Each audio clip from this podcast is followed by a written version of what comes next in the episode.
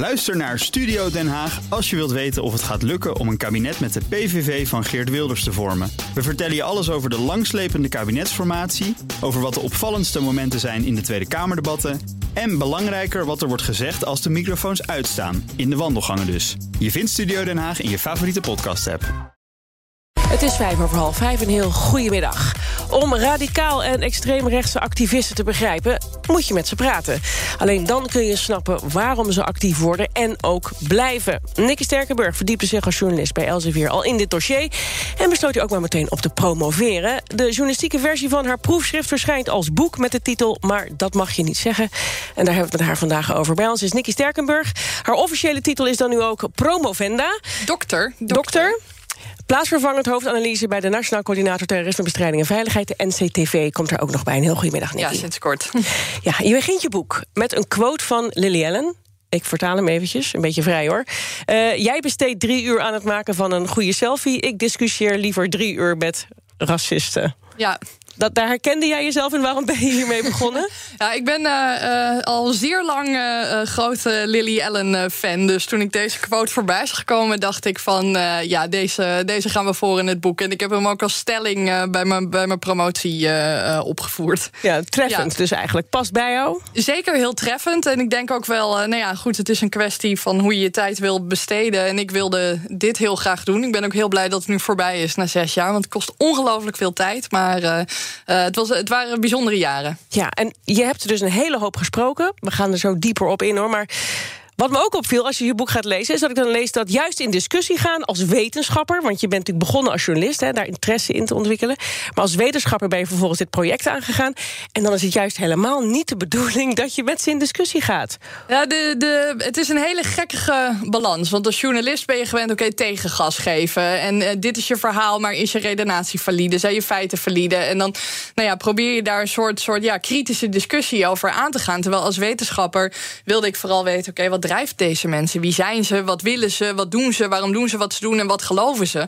Ja, en op het moment dat bijvoorbeeld een iemand de holocaust gaat ontkennen... en je gaat daar keihard op in... ja, dan kom, kun je die vraag niet beantwoorden. Dus dat was een, uh, dat was een, andere, een andere rol waar ik ook zeker aan heb moeten wennen. Ja, want hoe verging je dat verder? Moet je dan op je tong bijten? Of, uh, ja, nou ja, ik, ik zat... Uh, meestal kon ik tijdens het gesprek wel een knop omzetten... maar als ik dan later het bandje zat uit te tikken... dacht ik, oeh, mijn journalistieke hart. Dit, ja? hier had ik toch wel graag op in willen gaan. Bij sommigen heb ik het ook wel gedaan hoor. Later met een, uh, een, een, vertrouwensrelatie. En één iemand die uh, appte mij ook na het boek van... oh, wat jammer dat je niet met ons in discussie bent gegaan. Oh, ja? Dat hadden we graag gedaan. Ja. ja. Um, nou ja, een van de redenen waarom je dit bent gaan doen... is dat je erachter kwam dat ja, heel veel mensen hebben een mening. Um, ook wel een deskundige mening, zo poneren ze over extreem rechts of radicaal rechts. Maar ze spreken ze nooit. Nee, dat klopt. Ik, uh, het is bij mij ook eigenlijk begonnen met dat ik schreef voor Elsevier... op dat moment heel veel over de jihadistische beweging in Nederland. En nou ja, toen op een gegeven moment ook via een demonstratie uh, uh, drie neonazies ontmoet. En nou ja, ik, ik, ik wilde daar meer over weten. Dus ik dacht, oké. Okay, Sorry, even zo'n ontmoeting. Hoe ontmoet ja. je neonazies? Uh, ik stond bij een, uh, bij een uh, antiracisme demonstratie... waarbij een paar extreem linkse activisten waren. Maar het was een hele gezellige viering... met veganistische hapjes en inclusieve idealen. En nou ja, die hele leuke artistieke sfeer sloeg totaal om... toen drie mannen de demonstratie naderden... die er niet als neonazies uitzagen, maar dat wel bleken te zijn. Nou, die werden tegengehouden door de politie, die werden weer weggestuurd. En toen dacht ik, dit vind ik zo fascinerend, hier, uh, hier ga ik achteraan. Oké, okay, en daar stonden ze voor open? En daar stonden ze voor open. En nou ja, we hebben wel gesprek gehad. En uh, uh, toen dacht ik, ja, ik wil hier eigenlijk wel weer meer van weten. Maar dan ga je dus zoeken en dan vind je dus wel rapportages van de Anne Frank Stichting... en Verwij Jonker Instituut, waarin groepen en aantallen worden genoemd... Uh, maar niet van wie zijn deze mensen? Wat beweegt ze? Wat willen ze? Waarom doen ze wat ze doen? En toen dacht ik van, nou ja, als ik dan ga ik het onderzoek opzetten wat ja. ik gewoon zelf, uh, zelf wil lezen. Wat me nou zo lastig lijkt, is ze verenigen zich niet heel makkelijk uh, in één partij. Ja, je kunt ze niet nee. makkelijk vinden onder één Facebookpagina of onder één website. Het is een. Ja, ze zijn een beetje over het land verdeeld. Ja. Uh, hoe, hoe ging jij te werk om ze ja, in kaart te brengen om ze te vinden? Nou, ik ben, ben eerst begonnen met heel veel naar demonstraties en acties gaan. En dan zie je wel een beetje de dynamiek en wie de informele leiders zijn. En, uh, nou ja, wat, wat, en uiteindelijk zag ik een soort landelijk netwerk van allerlei mensen die elkaar gewoon een beetje vaag kennen. Die misschien niet ideologisch uh, hetzelfde in de wedstrijd zitten, maar die wel, um, als er een pragmatisch doel is dan komen ze bij elkaar en dan gaan ze iets Oh doen. ja. Dus dat is voor Zwarte Piet of tegen de komst van een asielzoekerscentrum. Ehm, ja, en vanuit daaruit was gewoon een soort sneeuwbalmethode. dat eh, waar zij heen gingen, daar, eh, nou ja, daar probeerde ik dan ook mensen te interviewen. Ehm, en ja, uiteindelijk, ik heb ook nog best wel wat wat buurtbewoners bijvoorbeeld geïnterviewd... die zich wel inlieten met radicaal en extreem rechts... omdat ze de komst van AZC tegen wilden houden. Maar uiteindelijk was dat geen blijvende aanwas. Dus dat zijn ook weer interviews Oh ja. die ik vervolgens eh, heb laten liggen. En was het lastig om te definiëren wie is nou eigenlijk wat? Want nou, als ik, ik, ik volg dit natuurlijk ook in de media. Er wordt veel over geschreven, ook naar aanleiding van eh, zekere politieke partijen. De een plakt er radicaal rechts op, de ander extreem rechts. Dan is het populistisch rechts. Ja, Heb je- ultra-rechts, nieuw-rechts, radicaal, ver-rechts. Ja, Hoe heb je, daar, ehm, heb je dat een beetje in kader kunnen brengen? Welke kenmerken passen bij wie en wat? Hoe herken je ze? Ja, ik heb ehm, aan het begin van het boek één, eh, één stuk inderdaad over de definitie. Nou ja, daar heb je inderdaad eh, bestaande definities zoals nationalisme, racisme, xenofobie. Maar er zijn ook weer mensen die zeggen, nee, antifeminisme hoort er bijvoorbeeld ook nog bij. Nou ja, korte, lange definities. Uiteindelijk was voor mij een soort werkdefinitie, een soort ondergrens van deze persoon moet een homogeen, cultureel of etnisch Nederland eh, willen. Dus zeg maar allemaal dezelfde cultuur of allemaal dezelfde etniciteit. Door middel van het inperken van burgerlijke grondrechten en vrijheden van etnische en religieuze minderheden, al dan niet met geweld. En dat was een soort van mijn werktitel. Dus als ik dan tegenover iemand zat en ook de discussie hadden van vind jij jezelf extreem rechts of radicaal en extreem rechts en dan van ja wat bedoel je ermee van nou ja, heb jij idealen die botsen met de grondwet die jij eigenlijk wel uit zou willen voeren ja dan zeiden ze altijd wel ja Oh ja, dus daar waren ze dan wel heel eerlijk in. ja in principe waren Ja. ze, ze ze stonden er zelf wel voor open En wat is dan het verschil tussen radicaal rechts en extreem rechts bijvoorbeeld? Is dat er? Of Ja, er zijn verschillende theorieën over. De een zegt radicaal streeft naar een homogene cultuur... en extreem streeft naar een homogene etnische staat. Um, anderen zeggen radicaal is binnen de wet en extreem is er overheen. Dus omdat het zo... Maar ja, wat is er overheen? Want ja, lopen door het rode stoplicht of... een- gebouw bezetten en een boete krijgen voor betreden van verboden terrein, Ja. ben je dan meteen extremist.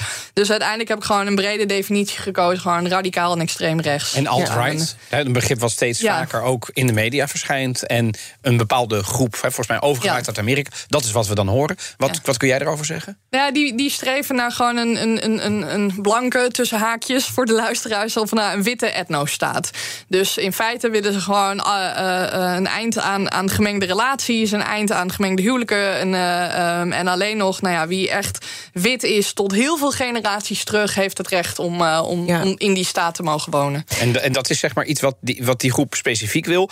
En daar zit, daar zit natuurlijk ergens overlap tussen een extreemrechtse groepering en misschien wat alt-right. Dat kan ik me voorstellen. Dat, er zit niet ergens een soort. eh, eh, geen scherm tussen? Er zit geen kuchscherm nee, dus, tussen? de- net als dat, dat ik ook heb geleerd dat er dus linkse nationaal-socialisten en rechtse nationaal-socialisten zijn. Eh, waarbij de links die wil dan een, een welvaartsstaat echt van wieg tot graf. En rechts die vindt dat kapitalisme is echt een topsysteem, Oh ja. want er komt de sterkste bovendrijven. Dat is een Ja. natuurlijke selectie. Het blijft, dus, het blijft dus een beetje een rommelig gebied als ik jou, als ik jou zo hoor. Wat me ook opviel is dat, eh, dat je omschreef... ze zien er niet uit als Nee, de neonazies of extreem Nee. rechts. En wat ze ook heel vaak doen is... het klinkt een beetje als plaagstootjes. Ze hebben ook goede band met de politie. Dan bezetten ze een moskee, gaan ze op het dak zitten... ja, En dan wachten ze gewoon met een kopje koffie tot de politie komt. En die zegt van, nou Kees, ga je weer mee? ja. Dat- Ja, zo- jullie weer. Heb je Ja. ook gevulde koeken mee? En eh, ja, En dan is het voor hen voldoende dat de NOS het op heeft gepikt. ja. Dat er een bericht van... Wat, wat winnen ze daar dan mee? Nou Ja, kijk, het is eh, met name, want waar je het nu over hebt, dat zijn met name acties eh, nou ja, vanuit identitair verzet. En de mensen die dat ontplooien, die zeggen van ja, luister, vroeger hebben we onder een andere naam, hebben we soms demonstraties georganiseerd met 200 mensen. Nou, dat is heel veel, 200 mensen op de been brengen en alles regelen en in goede banen leiden. En dan brachten er drie een Hitlergroet en dan stonden we er weer op als een stel, eh, stel, stel gekken. Dus wat zij nu doen, is gewoon met een paar mensen die ze goed kennen, bezetten ze een gebouw, maken ze echt vooraf afspraken van nou ja, geen, geen Hitlergroet, geen eh, rare symbolen, geen eh, rare dingen. Gewoon bezetten met een spandoek. En als de politie komt, dan gaan we weer mee. Dus het is echt een, eh, een, ja, een, een PR-kwestie is voor even interessant namelijk voor iedereen om te weten wat er dan gebeurt op zo'n moment. Hè, wat er bij hun dan dus speelt in hun hoofd. Goed, je hebt het allemaal in kaart gebracht. Er Ja. is een boek. De inlichtingendiensten kunnen het lezen. Nou, je werkt er inmiddels zelf, maar je zei net Ja, al... de STV is geen inlichtingendienst. Nee, oké. Maar er daar zijn wel mensen die zich bezighouden met dit dossier. Ja, ik gelukkig maar niet. jij dus niet, hè? Nee. nee wilde je niet? Nee. Nee, Waarom het is, eh, het is mooi geweest. Na zes jaar, ik wilde graag eh, van het onderwerp af. Dus eh, eh, dat heb ik ook bij mijn sollicitatie aangegeven. Ik wil hier alles doen, eh, behalve eh, rechts. En toen hebben ze me lekker bijvoorbeeld op de brexit gezet. Oh, heerlijk, ja, heerlijk. Maar waarom wilde je er vanaf specifiek? Eh, nou ja, ook omdat het niet ethisch zou zijn om nu eh, te zeggen... nou, dank jongens dat jullie me alles hebben verteld. En dan ga ik nu, eh, nu, nu aan de kant van de overheid werken. Dus nee, die eh, interviews die liggen lekker in de kluis. En ik schuif ook nooit aan bij overleggen. En, Maar, lekker maar, maar, mogen we je nog wel af en toe vragen eh, bij BNR om er iets over te zeggen? Want je bent wel de expert op dit moment. Ja, je kan altijd vragen, maar ik weet niet of ik, eh, of ik dit wil blijven doen. Oké, Want ik heb nog een heel kort vraagje. Want wij, wij worstelen hier ook best wel vaak mee als journalisten... Hè, met, met, met deze diverse groep. Wat heb je nou voor advies aan, aan de media? Hoe hiermee om te gaan? Eh, bed het goed in en eh, nou ja, zorg dat je meer over het onderwerp inderdaad komt te weten. Dus ook als iemand bijvoorbeeld een bepaalde uitspraak doet, dat je het als dusdanig herkent. En dat je het ook door kan trekken. Dat je ook verder denkt dat als iemand zegt van ja, ik wil bijvoorbeeld dit, dat van ja, oké, maar als je dit doortrekt, dan pleit je in feite voor iets heel heftigs of iets heel, eh, heel extre- extremistisch. En dat is iets wat ik zelf ook heb moeten leren. Dankjewel. Dit was je laatste media-optreden, begreep ik, hè, Ik voor je boek. het wel. Ja. Dankjewel.